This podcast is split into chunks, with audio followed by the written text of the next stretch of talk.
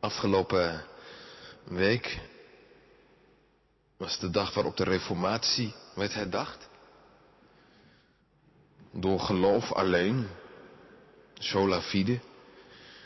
Luther ontdekte dat de rechtvaardige door het geloof zal leven. Dat heeft een hele eigen betekenis gekregen in de schrift. We willen deze woorden lezen. En niet zozeer in de betekenis richting die de Romeinenbrief ons maar zoals Habakkuk deze woorden beschrijft. En als nieuwtestamentische aanvulling de woorden zoals deze klinken in Hebreeën 10. Ik lees uit Habakkuk 2, de eerste vier versen. Hoor het woord van God. Ik ging op mijn wachtpost staan, nam mijn plaats in op de vestingwal en keek uit om te zien wat hij in mij spreken zou en wat ik antwoorden zou op mijn aanklacht. Toen antwoordde de Heere mij en zei, schrijf het visioen op. Grif het duidelijk in tafelen, zodat het in het snel voorbijlopen te lezen is. Voorzeker, het visioen wacht nog op de vastgestelde tijd. Aan het einde zal hij het werkelijkheid maken. Hij liegt niet. Als hij uitblijft, verwacht hem, want hij komt zeker. Hij zal niet wegblijven. Zie, zijn ziel is hoogmoedig, niet oprecht in hem. Maar de rechtvaardige zal door zijn geloof leven. Uit de Hebreeën preek, hoofdstuk 10, de versen 35 tot en met 39. Hebreeën 10 vanaf vers 35. Werp dan uw vrijmoedigheid niet weg, die een grote beloning met zich meebrengt. Want u hebt volharding nodig, opdat u, na het volbrengen van de wil van God, de vervulling van de belofte zult verkrijgen. Want, nog een heel korte tijd, en hij die komt zal komen, en niet uitblijven. Maar de rechtvaardige zal uit het geloof leven. En als iemand zich onttrekt, mijn ziel heeft in hem geen behagen. Wij zijn echter geen mensen die zich onttrekken en daardoor naar het verderf gaan, maar mensen die geloven tot behoud van hun ziel. Zalig die het woord van God hoort, bewaart en ook doet. De u gelezen schriftwoorden uit profetie van Habakkuk vormen het uitgangspunt voor de verkondiging. De rechtvaardige zal door het geloof leven. Woorden die Luther opnieuw heeft ontdekt, maar die in de betekenis van Habakkuk misschien wel weer een iets ander accent hebben. Dat het meer gaat over volharding en trouw. Wij luisteren naar deze schriftwoorden.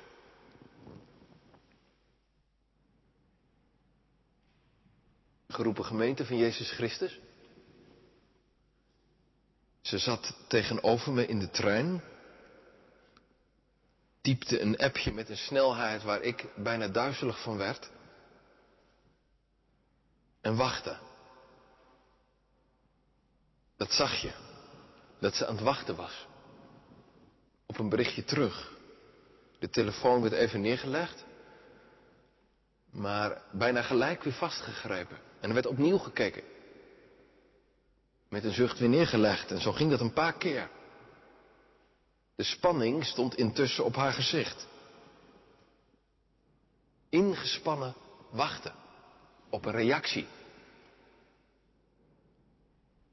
Ooit zei een dominee tegen mij, je hebt wachten, verwachten en je hebt inwachten. Inwachten? Ja, inwachten. Zoals een klein kind dat kan. Als je vader of je moeder heeft gezegd, ik kom je straks een kus geven. Je wacht op de kraakjes van de trap. Heel ingespannen. Ja, daar komt ze. Ingespannen wachten. Dat doet Habakkuk. Hij neemt een ingespannen wachtende houding aan. Hij tuurt als het ware steeds op zijn scherm. Want hij heeft een bericht verzonden en wacht op een bericht terug. Hij wacht een berichtje in. Nee, niet zomaar een privéberichtje. Wat een beetje aan de oppervlakte blijft. Dat heeft ook alles te maken met, met wat, voor hij, wat voor bericht hij aan God gezonden heeft. Een klacht. Een aanklacht.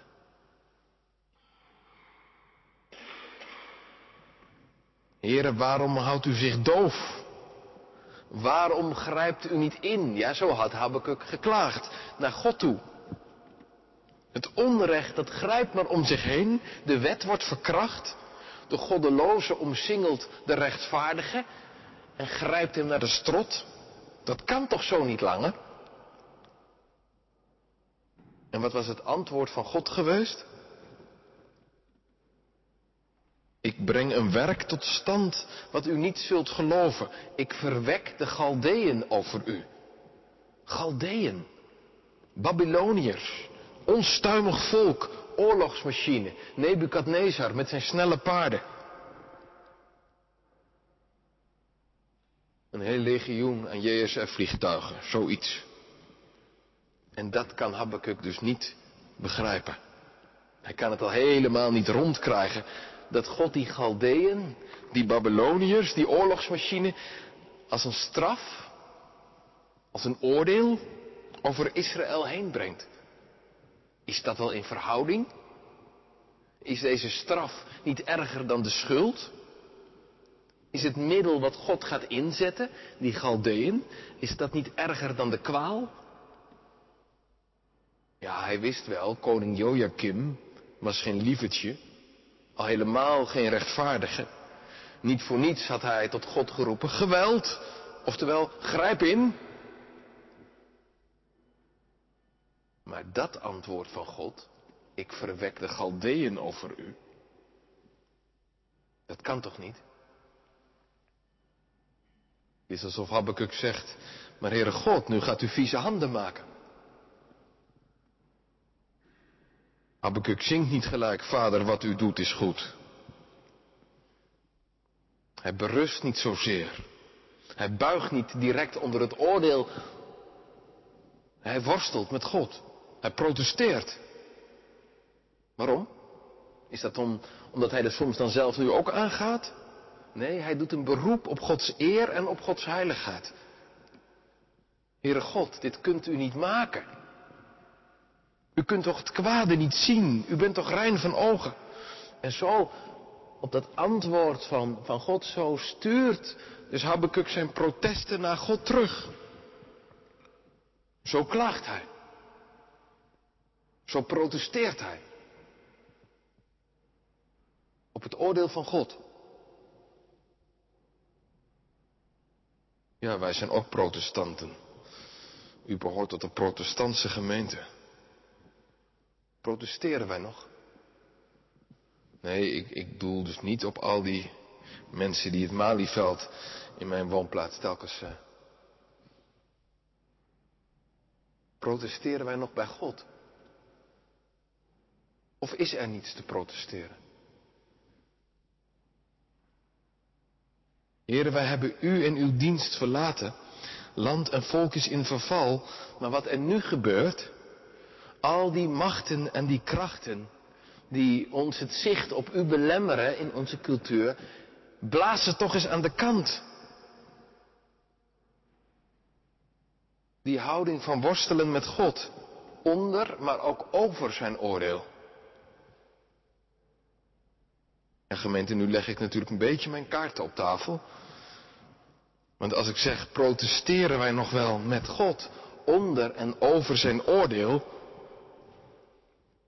dan zou je je natuurlijk af kunnen vragen, ja, maar, met Habakkuk, dat was te begrijpen. Toen kwamen de Galdeën en dat was een soort oordeel van God, een straf. Maar hebben wij dan nu ook met een oordeel te maken?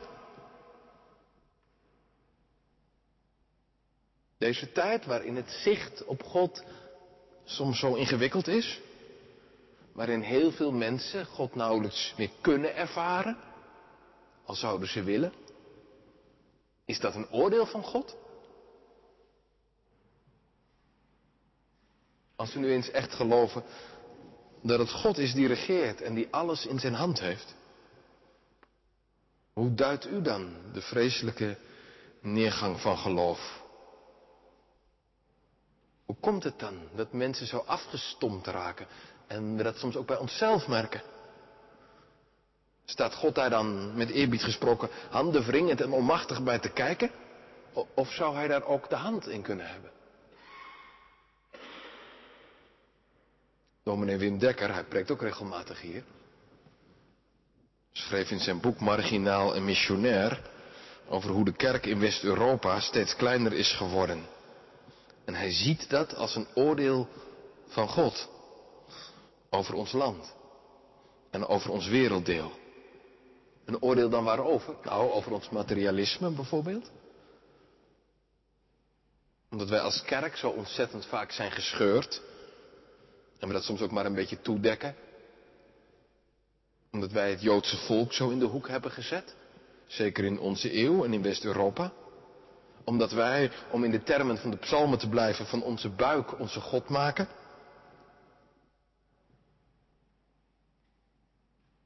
En vandaar het oordeel. Zo zegt hij. Ja, daar is niet iedereen het mee eens. Mensen van buiten, maar ook van binnen de kerk zijn ontzettend over hem heen gevallen. Kun je dat nou wel zo zeggen? Is het niet veel meer een strijd tussen de machten?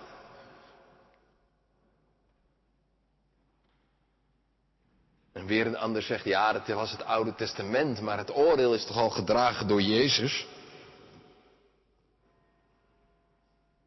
Ja. En toch? Zouden we in de situatie waarin we ons bevinden, in ons land, niet veel meer met God hebben te worstelen? Heere God, u kunt uw gezicht niet zomaar verbergen.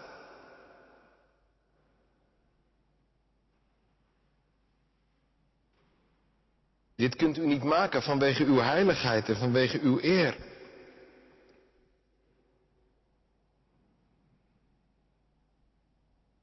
Bent toch, u bent toch rein van ogen. U wilt toch gediend worden. Ik ging op mijn wachtpost staan, nam mijn plaats in op de vestingwal. Het geloof verwacht namelijk wel antwoord. De spanning staat op het gezicht te lezen. Net als dat meisje in de trein wat telkens op haar schermpje keek. Ik ging op mijn wachtpost staan. Ik heb een bericht verzonden naar u. Mijn hart, hoezeer onrustig, wacht zijn verlossend woord. Nog meer dan in de nachten wacht dus het morgenlicht. Blijf ik, o Heer, verwachten uw lichtend aangezicht. Ik ging op mijn wachtpost staan. Term uit het leger. Vestingwal. Is dat een apart plekje geweest of ook weer niet? Ging Habakkuk als het ware de wallen beklimmen om de stad heen? Had hij een plek van uitzicht op de hemel? Of is het een innerlijke houding? Nou, voor een innerlijke houding heb je vaak ook een uiterlijke plek nodig. Een binnenkamer. En soms is die binnenkamer buiten. Habakkuk wacht op antwoord. Hij dwingt het niet af, dat kan ook niet. Ook niet als profeet. Hij wacht. Hij kijkt God de woorden uit de mond. Nou, het staat er iets anders. Ik ging op mijn wachtpost staan, nam mijn plaats in op de vestingwal en keek uit om te zien wat Hij, God, in mij spreken zou.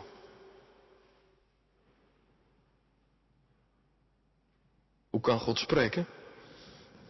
Door woorden en visioenen, door gezichten, maar dus ook zo, wat Hij in mij spreken zou. Mijn hart zegt mij, o Heer, van uwentwege. Ja, zoek door gebeen met ernst mijn aangezicht. Habakkuk krijgt antwoord. We weten niet precies hoe lang het geduurd heeft, maar hij krijgt antwoord. En in zijn antwoord krijgen wij ook antwoord. Nee, dit is niet zo'n zo'n heel direct antwoord. God antwoordt vaak niet zo direct. In het Oude Testament niet, in het Nieuwe ook niet. Maar God reageert wel. Hij wijst de weg. Toen antwoordde de Heere mij en zei, schrijf het visioen op. Heere God, dit kunt u toch niet maken? Verzenden, wachten en dan komt het antwoord. Schrijf het op. Het visioen. Het moet opgeschreven worden. Grif het duidelijk in tafelen. Zodat het in het snel voorbijlopen te lezen is. Hier wordt dus een voorganger van het billboard geboren. Zo'n lichtbak langs de snelweg. Zodat iedereen het kan zien. Maar waarom moet hij het eigenlijk opschrijven? Normaal gesproken heeft profetie toch iets van spreken. Zo zegt de Heer. Ja, maar als het soms wat lang duurt, kan het toch ook wel goed zijn dat je het opgeschreven hebt. Dat geldt toch vandaag de dag ook nog. Een boodschap die je achterlaat, zeker als het wat langer duurt. Als iemand wat langer wegblijft. Dat is de bedoeling. Hij moet het opschrijven omdat het allemaal nog even kan duren. En de mensen dan een soort tastbare herinnering hebben. God geeft een visioen van wat er gaat gebeuren, maar dat duurt nog even. Gods molens malen langzaam. Abekuk wacht op antwoord. Hij krijgt een richtingwijzer, die moet hij in het groot gaan opschrijven. Een billboard langs de snelweg. Zodat iedereen het kan zien en zodat het in de wachttijd zichtbaar blijft. Het visioen wacht op een vastgestelde tijd. Ja, die dag zal zeker komen. Hebben we net gezongen. Maar wachten. Wachten is lastig, hè? Wachten op een antwoord. En als je dan een antwoord krijgt, en, en dat antwoord dat is dat je moet wachten. Ja, dan wordt het allemaal wel dubbel wachten. Wachten duurt soms zo lang. Nou, daar sta je mooi te wachten, hè? Zeggen de mensen dan. Je kunt wachten tot je een ons. En dan zie je de mensen soms vertrekken. Uit de wachtpost. Uit de wachtkamer van het geloof. En de ene de ander gaat. En hoe is dat soms? Dan denk je, ja, waarom blijf ik eigenlijk nog zitten? Wachten. Waar, waar wacht ik eigenlijk nog op? Zal ik die woorden, zal ik dat visioen van God blijven vasthouden? Zal ik er ook niet mee stoppen? Ja, en juist daarom is dat visioen ook opgeschreven. Dan zijn het niet alleen maar woorden die in ons hoofd kunnen rondspoken, waarvan je kan denken, heb ik het allemaal wel goed gehoord? Daarom staat het zwart op wit. Opdat wij blijven wachten. Maar wachten duurt lang. En wachten zit niet zo in ons. Hoe was dat vroeger bij u in de klas, bij jou? Als de meester of de juffrouw even wegging en zei, ik kom zo terug. Blijf rustig je werk doen, blijf maar wachten. En het duurde maar en het duurde maar en de meest brutale vertrok. En weer een ander ging wat anders doen. En een ander die bleef wel op zijn post zitten, maar die was gewoon te bang. Maar die ging intussen wel iets heel anders doen. Die zat braaf, braaf te wachten in de klas, zogenaamd. Maar was eigenlijk ook niet meer aan het wachten. Niet meer aan het inwachten, niet meer aan het luisteren. Als hij uitblijft, en hij blijft al een poosje uit, verwacht hem. Want hij komt zeker. Niet voor niets bad ik dat we in deze dienst ook weer ons oefenen in verwachten. En de draden van de verwachting weer worden aangespannen. Want wij verslappen soms zo. Juist ook als kerkgangers. We zijn misschien niet weggelopen uit de wachtkamer van het geloof. Maar zijn we nog aan het inwachten? Of zijn we intussen onze eigen spelletjes aan het spelen? Wat is het goed dat we dat lezen? Hij komt. Dat staat als een paal boven water. Leven we daarbij? Wachten. Ik ben zo blij dat ik, dat ik een boek heb waarin dat opgeschreven staat. Hij komt zeker. Want soms geloof ik het nauwelijks. En dan lees ik het weer. Dan zie ik het weer. Op het billboard van de Bijbel. Ook in die tijd van Habakkuk. God is gekomen. En hij heeft een einde gemaakt. Ook aan die Galdeën die hij zelf verwekt had. Het leven van een volgeling van Jezus is ten diepste een wachtend leven. Wij wachten zijn komst te midden van het onrecht van deze wereld, wat te groot is. Gods molens malen langzaam. Hij heeft de tijd. Meer dan ik graag voor waar wil houden. Maar hij komt. Daarom hebben we ook uit Hebreeën gelezen. De schrijver van deze preek, van deze brief, schrijft met die woorden van Habakkuk als het ware in zijn achterhoofd, of misschien moet je wel zeggen in zijn voorhoofd, over de wederkomst van Jezus. Want nog een zeer weinig tijd en hij die te komen staat, zal komen. Zeker. En daarom zal de rechtvaardige door het geloof leven. Ja, dat zijn die woorden van Habakkuk.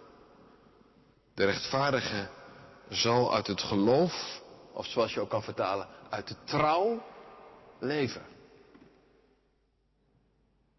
Het gaat in, in het vers in Habakkuk 2 eerst over hoogmoedigen.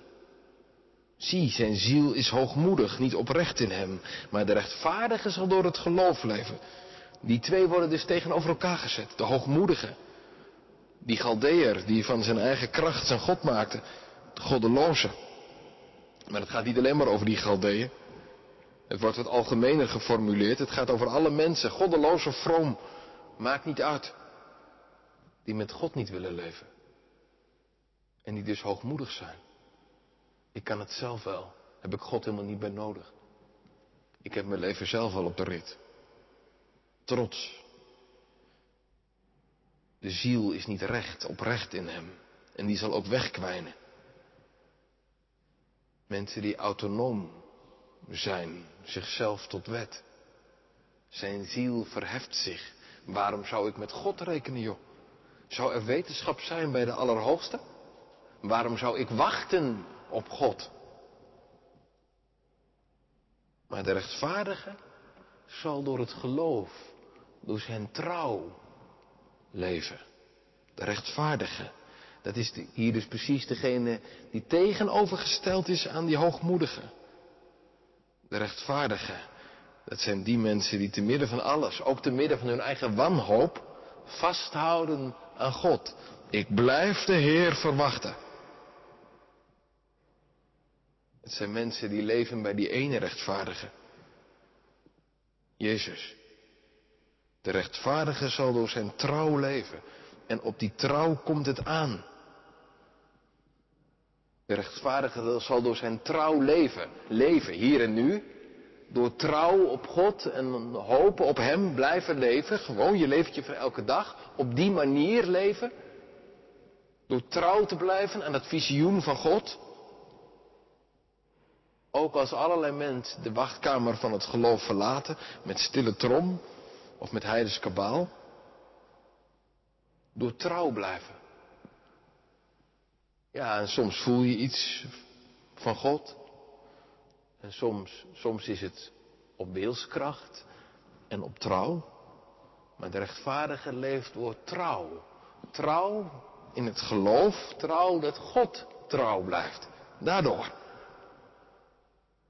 De rechtvaardige die aan God vasthoudt, die aan die ene rechtvaardige vasthoudt, die zal met God in de modderpoel van deze wereld blijven staan blijven leven. Tegelijk gaat het met deze woorden niet alleen maar over het leven hier en nu en over onze houding hier en nu. Het is ook een belofte voor de toekomst. Als het in de Bijbel gaat over ons leven hier en nu, gaat het vaak over wandelen. De rechtvaardige zal door zijn trouw wandelen. En je handel en wandel. Maar als het gaat over leven, dan gaat het in, dan gaat het in de Bijbel ook altijd over Gods toekomst. Over eeuwig leven.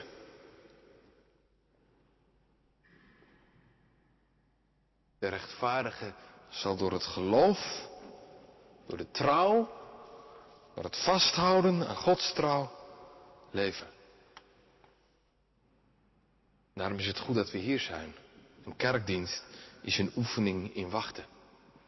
Is een plek waar het visioen wordt levend gehouden. Dat lukt mij zelf zo slecht. En ik zie het ook niet om mij heen. Daarvoor moet ik hier zijn. En als ik dat visioen niet regelmatig zie, dan ben ik voordat ik het weet, ben ik een hoogmoedige. Kan ook als je in de kerk zit. Dat je denkt, het zal allemaal wel. Ik ga gewoon mijn eigen gang.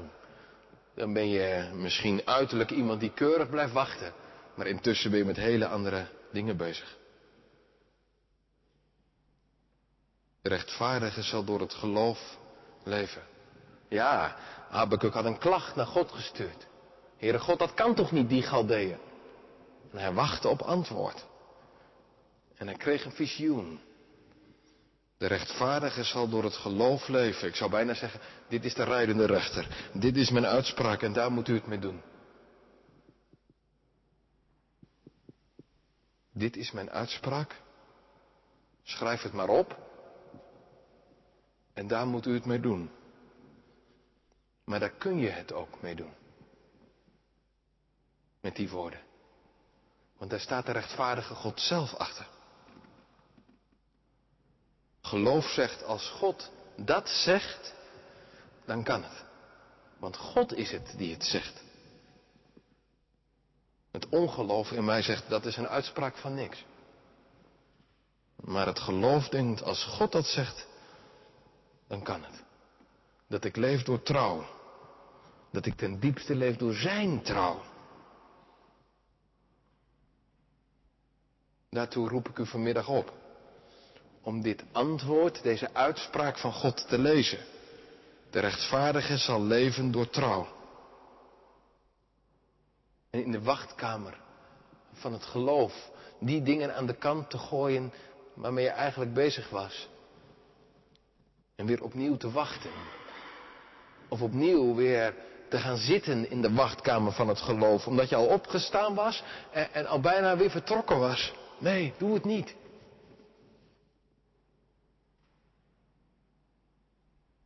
Als hij uitblijft, verwacht hem. Want hij komt zeker.